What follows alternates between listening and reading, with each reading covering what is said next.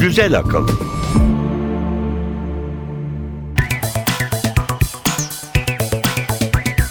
Merhaba, Güzel Akıl 20. bölümde beraberiz. Ben Elif Yılmaz. Bugün Levent Daşkıran bizimle birlikte olacak. Merhaba Levent, hoş geldin. Merhaba Elif, hoş bulduk. Bize birazcık kendinden bahseder misin? Tabii ki ben 2000 yılında teknoloji yazarlığı kariyerine başladım. Yaklaşık hı hı. olarak bu sektörde 12 yıllık bir geçmişim var. Bu 12 yıl boyunca birçok dergi, gazete ve web sitesinde yazılarım yayınlandı. 10 yıldan uzun süredir TÜBİTAK'ın bilim ve teknik ve bilim çocuk dergileri için her ay düzenli olarak bilişim tabanlı içerikler hazırlıyorum. Şimdi bu hafta biz programda nelerden bahsedeceğiz, neler var? Onunla ilgili kısa bir tanıtımımız var, onu dinleyelim. Güzel Akıl'da bu hafta.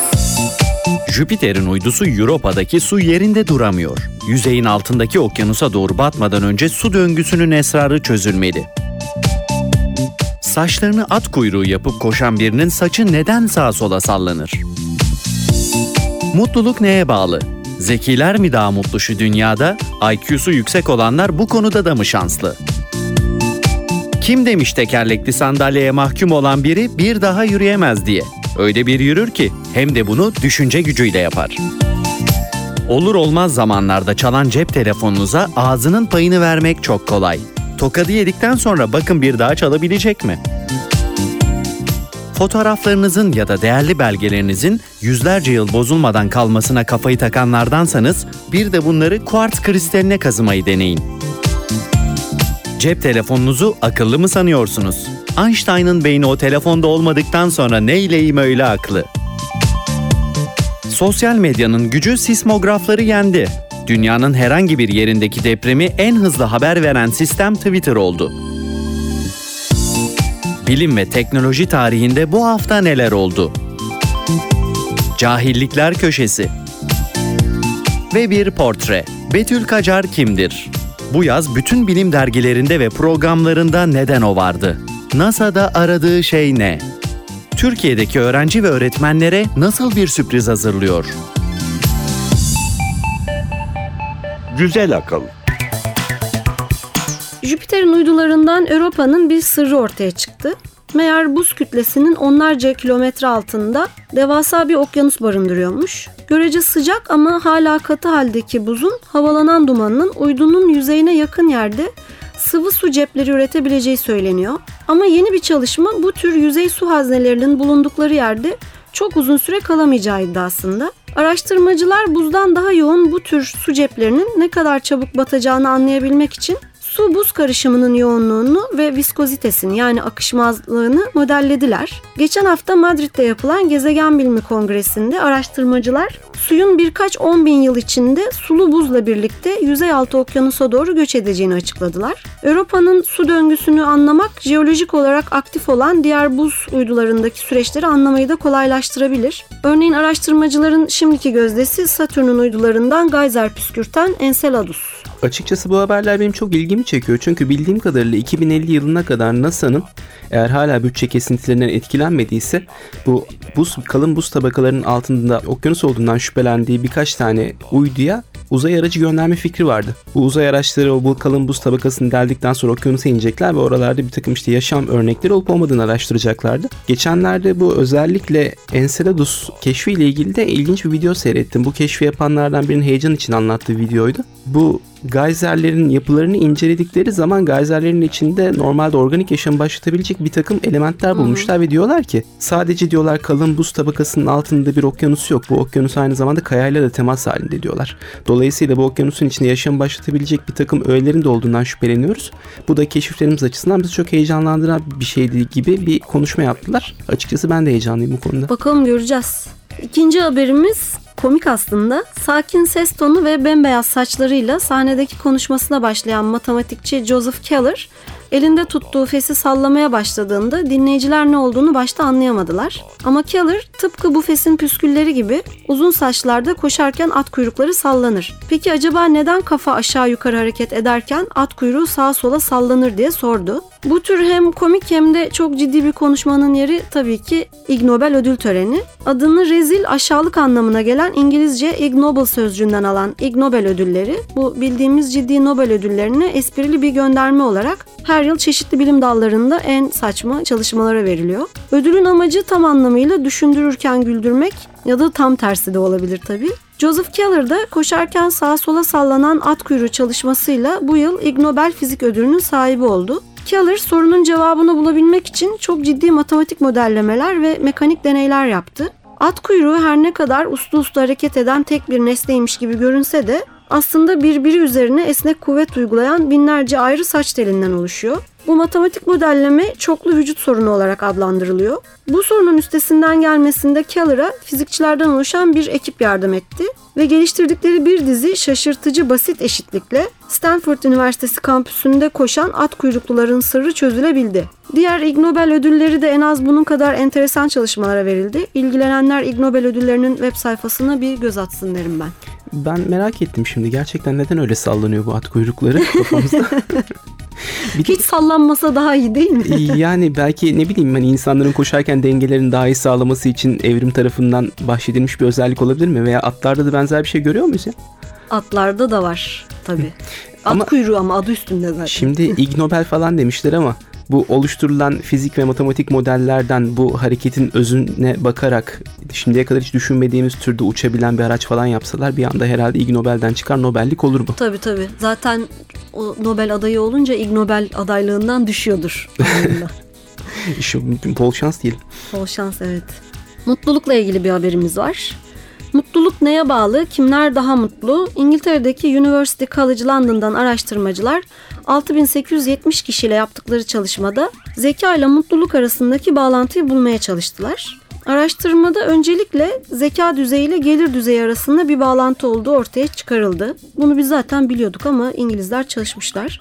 Psychological Medicine adlı tıp dergisinde yayımlanan araştırma sonuçlarına göre zeka düzeyi ne kadar düşükse gelir düzeyi ve sağlık durumu da o kadar kötü. Yetişkin psikiyatrik rahatsızlık anketine katılan gönüllülere hayatınızdaki her şeyi bir arada düşündüğünüzde bugünlerde kendinizi nasıl hissediyorsunuz şeklinde bir soru yöneltildi. Cevap olarak da çok mutlu, hayli mutlu, hiç mutlu değil seçenekleri verildi. Katılımcıların sözel IQ'ları da ölçüldü tabii bu arada. Çok mutlu olduğunu söyleyen katılımcılar tüm katılımcıların %43'ünü oluşturuyordu.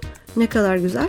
Ve IQ'ları 120 ile 129 arasındaydı. Katılımcıların %12'sinin IQ'su ise 70 ile 90 arasındaydı ve bu az sayıdaki katılımcılar mutlu olmadıklarını söylediler. Araştırmayı yöneten Angela Hasiotis, araştırma sonuçlarına göre düşük IQ'nun düşük gelir düzeyi anlamına geldiğini ve bunun da mutsuzluk yaratıcı olduğunu söylüyor. Düşük gelir grubundan gelen çocuklar için yürütülecek kapsamlı çalışmalarla IQ düzeylerini yükseltmekle kalınmayacağı, bunun refah düzeyine ve fırsat eşitliğini yakalamalarına da faydalı olacağı araştırmacılar tarafından söyleniyor. Bakalım umarız böyle bir araştırma yapılır, çalışma yapılır gerçekten. Ya hep cehalet mutluluktur diye bir söz vardır aslında. da yani İngilizler şimdi yok öyle bir şey demişler. Bence bu mutsuz olanlar aslında mutlular da mutluluklarını algılayabilecek IQ'ya sahip değiller belki. Aa evet o da bir farklı Bir yaklaşım. de şöyle bir şey dikkatimi çekti. Şimdi burada yüksek IQ sahibi dediklerine 120-129 arasında IQ vermişler. Ben eğer yanlış bilmiyorsam IQ skalasında 105 civarı falan normal kabul ediliyor. Bu 129'un üzerine çıkan IQ'ların acaba mutluluk konusundaki düşünce ve tavırlarının ne olduğunu ben merak ederdim ve sanki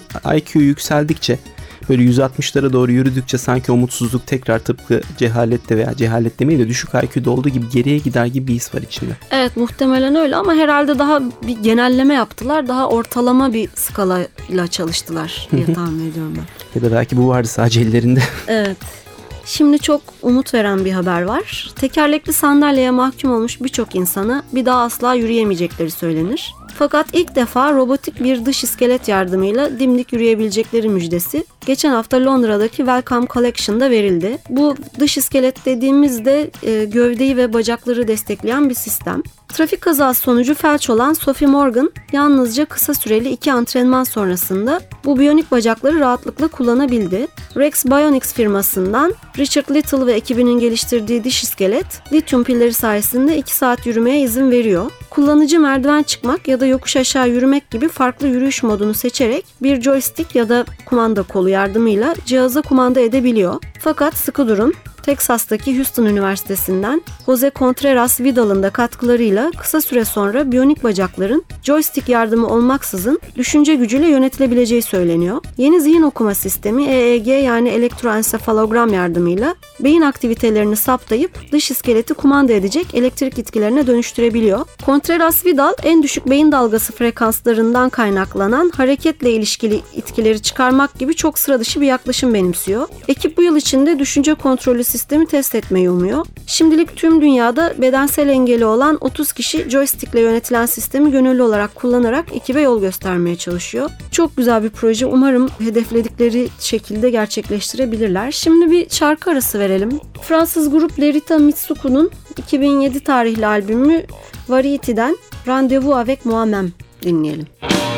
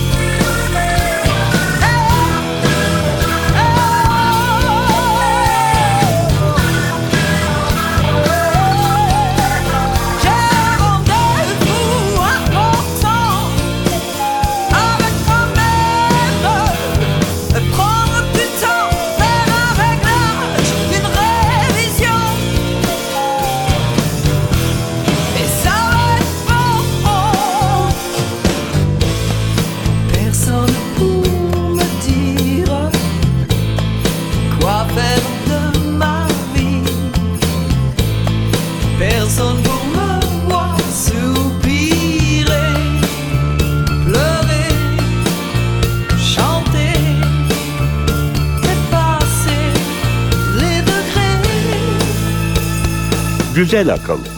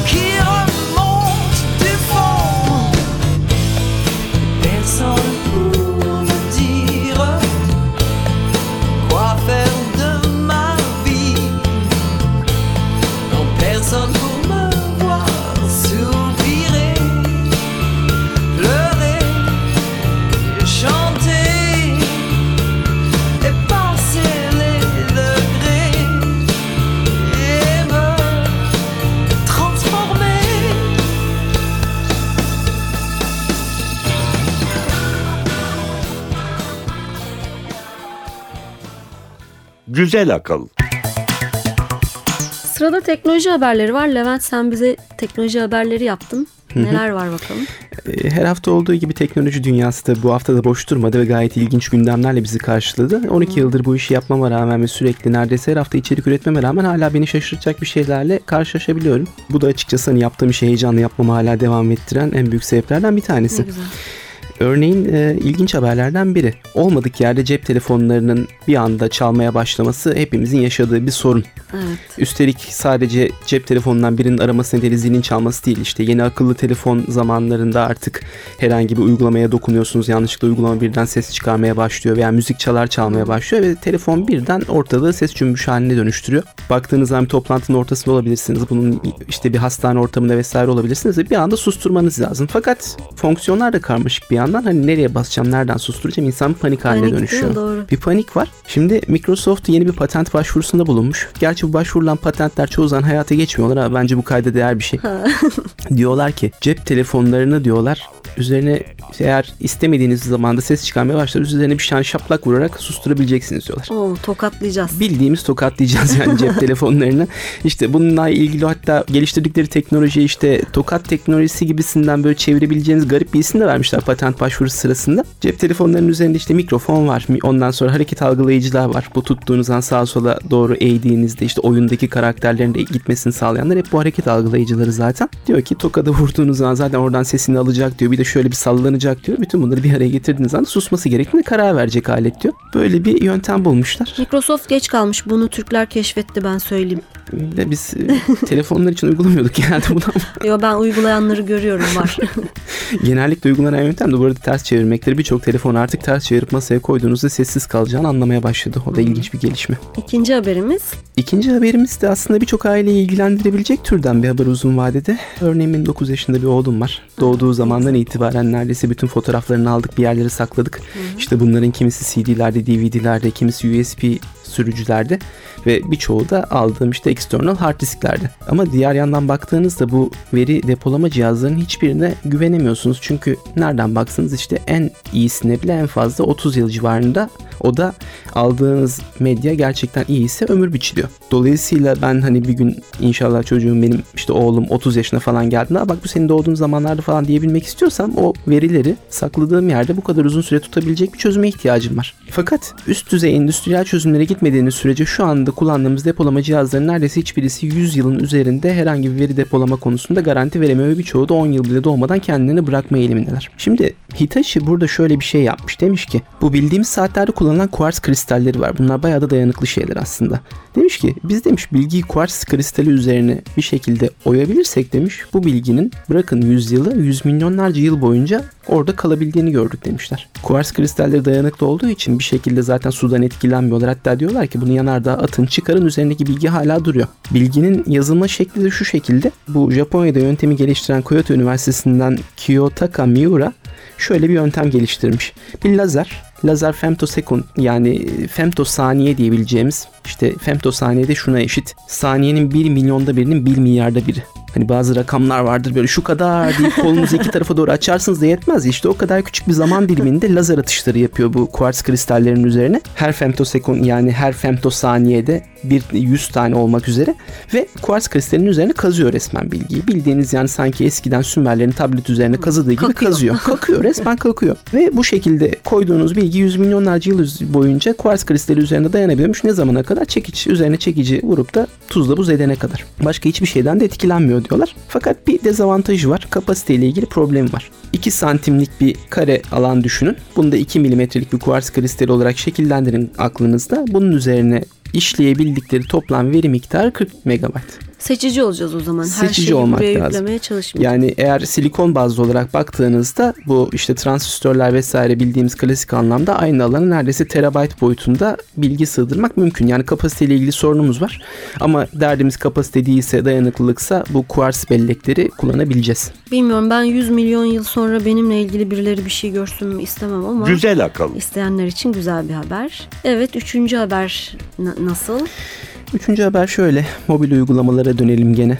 Tamam. Bugün aklınıza gelebilecek her şeyi mobil uygulamalar sayesinde gerçekleştirebiliyorsunuz. Sadece işte web taramaktan veya hava durumuna bakmaktan falan bahsetmiyorum. İşte bu içinde neredeyse 500 bin uygulamaya artık geçen uygulama dükkanlarına baktığınızda bu uygulamaların neler yaptığını aklınız yani akıl sır erdiremezsiniz. Öyle bir dünyaya doğru geldik. Şimdi bunların arasında çok ilginç bir tane daha uygulama eklemişler. Albert Einstein'ın zekasına değil belki ama beynine bir mobil uygulama sayesinde sahip olabiliyorsunuz. Hayır onun beyni parayla satın alınamaz ben inanmıyorum. Ya satın alınıyor bir 10 dolarmış onun beyninin fiyatı ama bu beyine verdiğiniz bedel de sonuçta bu işi yapan müzeye bir bağış olarak gittiği için hani bunu ticari bir şey olarak algılamamak lazım belki.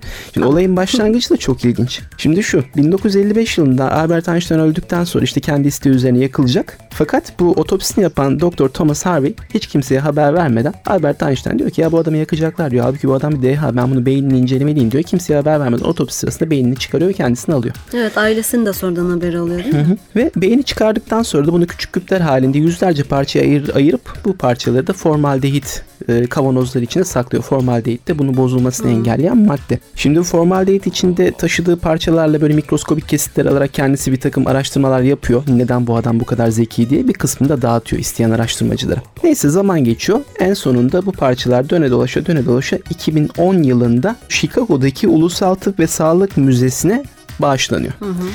Bu Chicago'daki Ulusal Tıp ve Sağlık Müzesi de bu parçaları alıyor Güzelce bunlardan kesitleri hazırlıyor. Bu kesitleri işte 350 civarında görüntü haline dönüştürüyor. Yüksek çözünürlüklü görüntü haline. Ve bu uygulamayı siz satın alarak bu görüntüleri cep telefonunuzdan veya tablet bilgisayarınızdan Albert Einstein'ın beyninden alınan kesitleri yüksek çözünürlüklü olarak görüntüleyebiliyorsunuz. Ama derseniz ki benim param yok veya böyle bir şeye para vermek istemiyorum ama gene de merak ediyorum.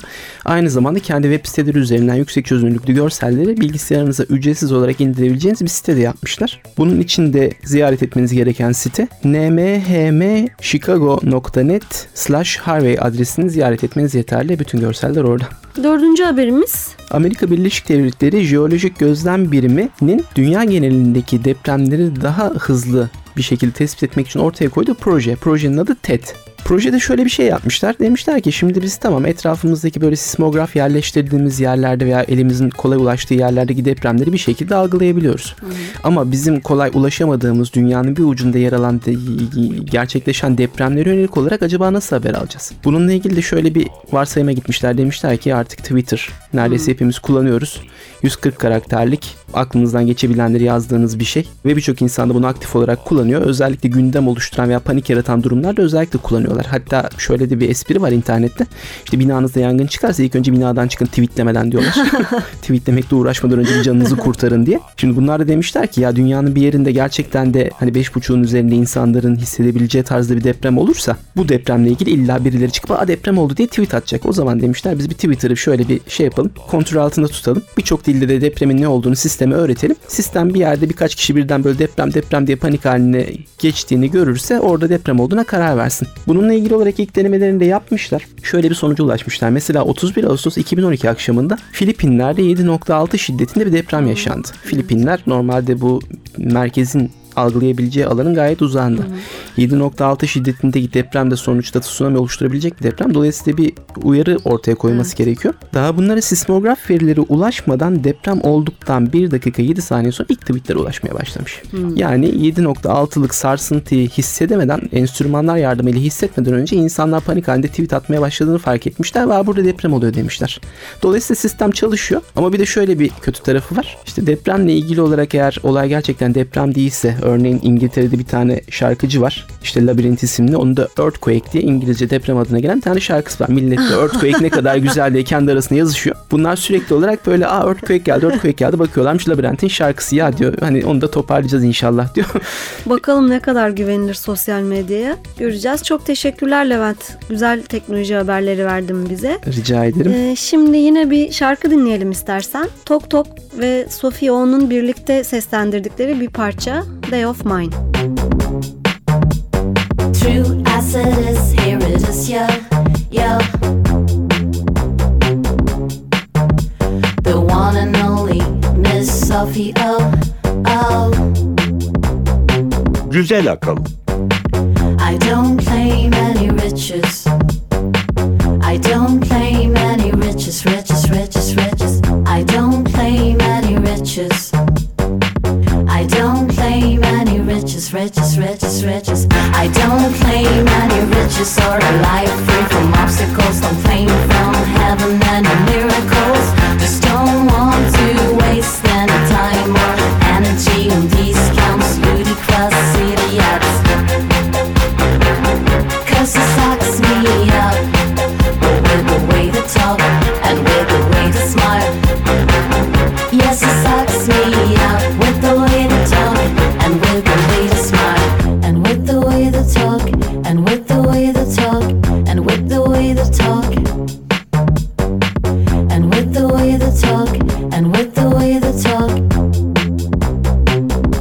Güzel akıl. Şimdi bilim ve teknoloji tarihine bir göz atalım. Bilim tarihinde bu hafta. 24 Eylül 2006. Atmosferdeki en geniş ozon deliği NASA tarafından ölçüldü. Aura uydusundaki ozon gözlemleme aracı 21-30 Eylül arasında ozon tabakasında ortalama 27,5 milyon kilometre karelik bir alanda incelme tespit etti. 25 Eylül 1974. Bilim insanları ilk kez sprey kutularından salınan freon gazının diğer adıyla kloroflorokarbon gazlarının ozon tabakasına zarar verdiğini rapor etti. 26 Eylül 1818.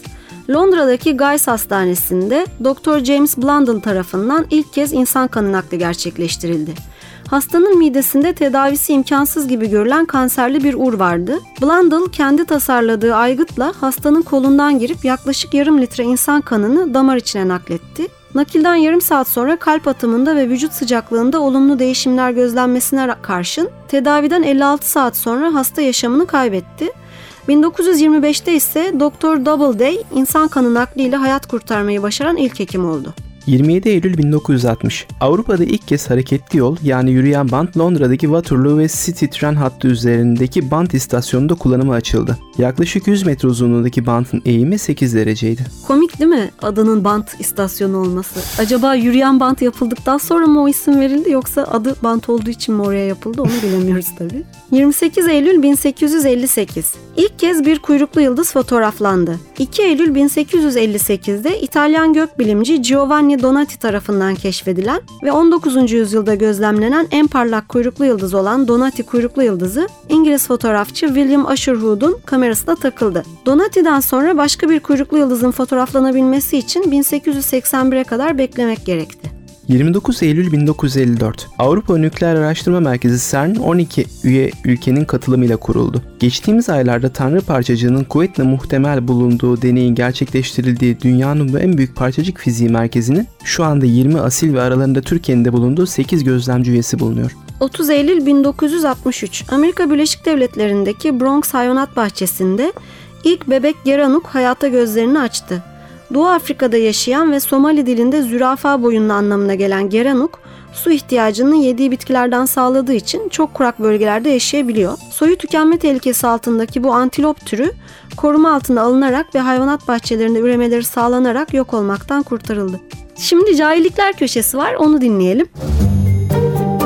Cahillikler Köşesi Hiç sıkıntıdan ölen olmuş mudur? Sıkıntı aslında dopamin hormonunun beyni etkilemesi üzerine oluşan zihinsel bir durumdur. Bazı insanlar daha az dopamin üretir ya da beyinde buna daha az duyarlı reseptörlere sahiptir ve diğer insanlara göre daha az sıkılır. Olumsuz yaklaşımlar immün sistemi zayıflatır. Ama asıl sıkıntıyla başa çıkmak için verilen zihinsel mücadele bağışıklık sistemine daha olumsuz etki eder. Çabuk sıkılan insanlar diğerlerine göre tehlikeli sporlarla daha fazla ilgilenir, alkol ve uyuşturucu kullanımına daha yatkındır. Bunlar hayat kalitesini düşüren ve tehlikeyi artıran durumlardır. Ama bunlardan kaynaklanan ölümlere sıkıntıdan ölme denir mi tartışılır.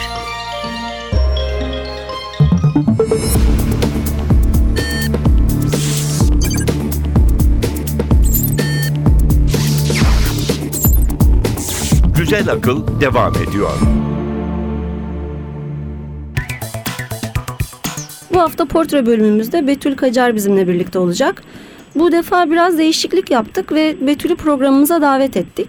İstedik ki o anlatsın kendini, yaptıklarını, akademik çalışmalarını, hayallerini. Kendisi de bahsedecektir gerçi ama kısaca söyleyelim. Betül şu anda Amerika Birleşik Devletleri'ndeki Georgia Teknoloji Üniversitesi'nde deneysel evrim konusunda doktora sonrası araştırmacı olarak çalışmalarını sürdürürken bir taraftan da NASA projelerinde görev alıyor. Bizim bu hafta Betül'ü konuk etmek istememizin sebebi aslında Temmuz ayında bilim dünyasına bomba gibi düşen önemli bir çalışmada yer almış olması. Biz de güzel akılda bununla ilgili kısa bir haber yapmıştık ama şimdi kendisinden dinlemek çok daha güzel olacak. Bize çok ana hatlarıyla çalışma alanlarından bahsedebilir misin? Tam olarak neler yaptığını öğrenmek çalışmalarının da neden bu kadar önemli olduğunu anlamamıza yardımcı olacaktır. Benim aslında e, çalışmalarımın genel olarak başlığı astrobiyoloji. Bu da e, dünyamızdaki aslındaki şu andaki koşulların ne şekilde ve nasıl e, evrimleştiğini anlamaya çalışıyorum. Yaklaşık iki senedir e, burada astrobiyoloji enstitüsündeyim. Birkaç aydır da direkt Na- NASA'ya bağlıyım. Yani e, NASA Astrobiyoloji Enstitüsü'nün elemanıyım. Peki gelelim şu meşhur çalışmaya. Ee, anladığım kadarıyla evrimsel bir zaman tüneli oluşturdunuz ya da evrim filmini geriye doğru çektiniz. Şimdi bu söylediklerim bana bile karmaşık geldi. Sen birazcık daha anlatabilir misin bize? Yani temel olarak ne yaptınız kabaca, niye yaptınız ve nasıl bir sonuç elde ettiniz? Şimdi şöyle düşünebiliriz aslında. Hayatı sanki bir e, lineer doğrultuda ilerleyen bir süreç gibi düşünelim. Mesela bir işte teyip olsun, bir bant gibi olsun. Ve bu devamlı ilerliyor. Sonuçta zaman ilerliyor. E, bir argüman var biyolojide. Eğer bu biz hayatın teybini, kasetini tekrar başa sarıp tekrar dinlesek belki de dinlediğimiz müzik çok farklı bir şey olacak. Biz belki bambaşka bir şeyle karşılaşacağız. Tabii şimdi tekrar başta söylediğim gibi bu hani deneysel olarak yapabileceğimiz bir şey değil. Çünkü hani zaman makinemiz yok. Gidip geçmişe tekrar her şeyi baştan başlatıp tekrar Big Bang olamaz. Tekrar bunu da aynı şekilde yapamayız. Aynı durumları replike edemeyiz. Fakat biz düşündük ki belki de hani e, evet belki bütün dünyadaki her şeyi tekrar başa saramayız ama belki sadece bir, bir gen için, bir protein için çok daha minimalistik bir şekilde bunu laboratuvar ortamında gerçekleştirebiliriz. Ben bunu yapmayı çok istedim. Ve yani asıl konum bu oldu. Tekrar hayatı tekrar başa sarırsak belki de sadece bir protein için ve bu proteine ikinci bir şans versek ürünleşme açısından ne görürüz? Dünyada kadın akademisyen oranının en gelişmiş ülkelerde bile çok düşük olduğu biliniyor. Ama sanırım Türkiye bu konuda treni henüz kaçırmış değil. Daha fazla sayıda kadın akademisyenimiz olabilir. Ee, sen e, kız öğrencilerin kendilerine akademik bir kariyer seçmeleri ya da seçememeleri konusunda ne düşünüyorsun? Senin için zor oldu mu örneğin bilime yönelmek? Benim için aslında pek zor olmadı fakat hani ben yapı olarak da çekinmiyorum. Yardım, yardıma ihtiyacım varsa yardıma ihtiyacım olduğunu söylüyorum. O yüzden bence en önemlisi hani insanların korkmaması. Bir de bir şey bilme, bilmek sanki ayıpmış gibi bize öğretiliyor Türkiye'de. Hani soru sormak, hani bir profesörün karşısında onunla argümana girmek çok fazla yani çok fazla ortamda yapılabilecek bir şey değil maalesef. Çok kişisel algılanabiliyor böyle şeyler. Bilmediğini söylemekten utanmamalı insan ve yardıma ihtiyacı varsa söylemeli. Ben, ben kendim de hani eğitim almış bir aileden gelmiyorum. Benim hani annem de babam da hani ilkokul mezunu ikisi de. Hı hı. Ve hani ve hiçbir hani aile tarafından da böyle bir şey gelmedi bana rehberlik gelmedi ama hani çok fazla meraklı olduğum için kendim hani pek böyle çekinme utanma gibi durumda olmadığı için bence bir şekilde ilerleyebildim. Benim şey çok e, üzüyor hani akademinin sanki böyle biyolojik kadın işidir falan. Hani Hmm. böyle artık akademik ol da bana bunu e, ben Marmara Üniversitesi'nde okudum. Bana bunu e, Marmara Üniversitesi'nin dekanı söylemişti o zaman. Hani bir kız çocuğu için çok iyi bir şey biyoloji. hani aa işte sabah 9'da işe gelirsin, akşam 4'te evine gidersin, çocuğuna bakarsın, kocana yemek yaparsın diye böyle konuşma verdi bana. yani işte yani böyle görülüyor akademik. Sen ve senin gibi e, birçok genç bilim kadını bence kız öğrencilerin önünde çok e, önemli rol modellersiniz. Peki bir de şöyle bir sorum var sana. Türkiye ile irtibatın nasıl? Burada ortak proje yapabileceğin üniversite, enstitü ya da başka bir kurum, kuruluş var mı? Öyle bir planın, projen var mı düşündüğün? Ya ben bunu çok istiyorum. Türkiye'ye geldiğim zaman hani e, dersler veriyorum. E, Bazen liselerde, ortaokullarda. Öyle mi? Ne Ee, güzel. ben kendim de Karadenizliyim. Hani Karadeniz'deki köylere gidiyorum. Oradaki hani köylerde ders veriyorum bazen. Hmm. Ama hani proje anlamında, laboratuvar anlamında bir ortak proje e, henüz bir kimseyle e, kurmadım. Fakat e, Çanakkale Üniversitesi'nin bir astrobiyoloji grubu var. Oraya danışmanlık yapıyorum. Hani kendi projelerine onlara yardım ediyorum. Konuşuyoruz. Fakat onun dışında bir de hani biz deneysel çalıştığımız için çok pahalı deneyler bunlar. Hı hı. Hani ondan muhtemelen ama benim çok istediğim de muhtemelen gelecekte de kuracağım bir şey, şey. Fakat hani şimdi bir e, bu NASA'daki birkaç başka e, araştırmacıyla ortak başlattığımız bir proje var Türkiye için. Bunu da ilk defa söylüyorum. Hı hı. E, böyle bir bilim, bilim otobüsü gibi bir şey kuruyoruz. Hı, ne kadar güzel. bunu İstanbul'dan başlayıp Anadolu'nun içine doğru e, 4-5 haftalık süre boyunca böyle bir mobil bir şekilde devam eden böyle bir laboratuvar kurduk. Bunu e, daha doğrusu kuruyoruz şu an. Hı hı. Bu şekilde işte çeşitli ilçelere gidip buradaki küçük okullara gidip e, ben de çok kendim de şahsi olarak öğretmenlerden e-mailler alıyorum. Gidip bu okullara işte 3-4 günlük böyle bir uzay programı işte Mars Mars'ta hayat, bu Avrupa'daki hayat, soğuk koşullar, sıcak koşullar bu tarz 3-4 günlük küçük küçük modül dersler vereceğiz. Peki hani ne zaman başlayacak? Ee, programınız belli mi? Gezi programınız? Onlarla Şimdi ilgili. e, bir blok oluşturuyoruz. Bu bütün hatları hani ha- hangi e, hatta hangi şehirdeyiz, hangi okuldayız bunları yayınlayacağız.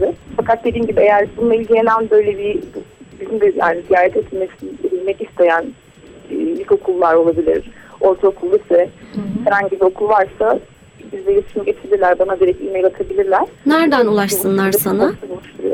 Benim e, adresim Betül Hı hı. Ee, e, et gateceh.edu gatek.edu Popüler bilim projeleri adına da çok örnek bir proje bence. Ee, umarım bir sonraki projenizde yeterince okula, yeterince öğrenciye, çocuğa, öğretmene ulaşabilir. Betül çok teşekkür ediyoruz programımıza katıldığın için. Renk verdin, e, bizi bilgilendirdin, aydınlattın. Bu ülkedeki insanlara cesaret, umut verdin. Umarım Başka projelerle ilgili tekrar görüşürüz yakında. Ben tekrar teşekkür ediyorum. Beni davet ettiğin için ben çok keyif aldım gerçekten. Bu hafta da Güzel Akıl'ın sonuna geldik. Bir şarkıyla kapatalım programımızı. Robert Paresi'nin yazdığı ve ilk kez Valtteri tarafından seslendirilen Play That Funky Music bu sefer Cool and the Gang'den gelsin. Hoşçakalın. Hoşçakalın.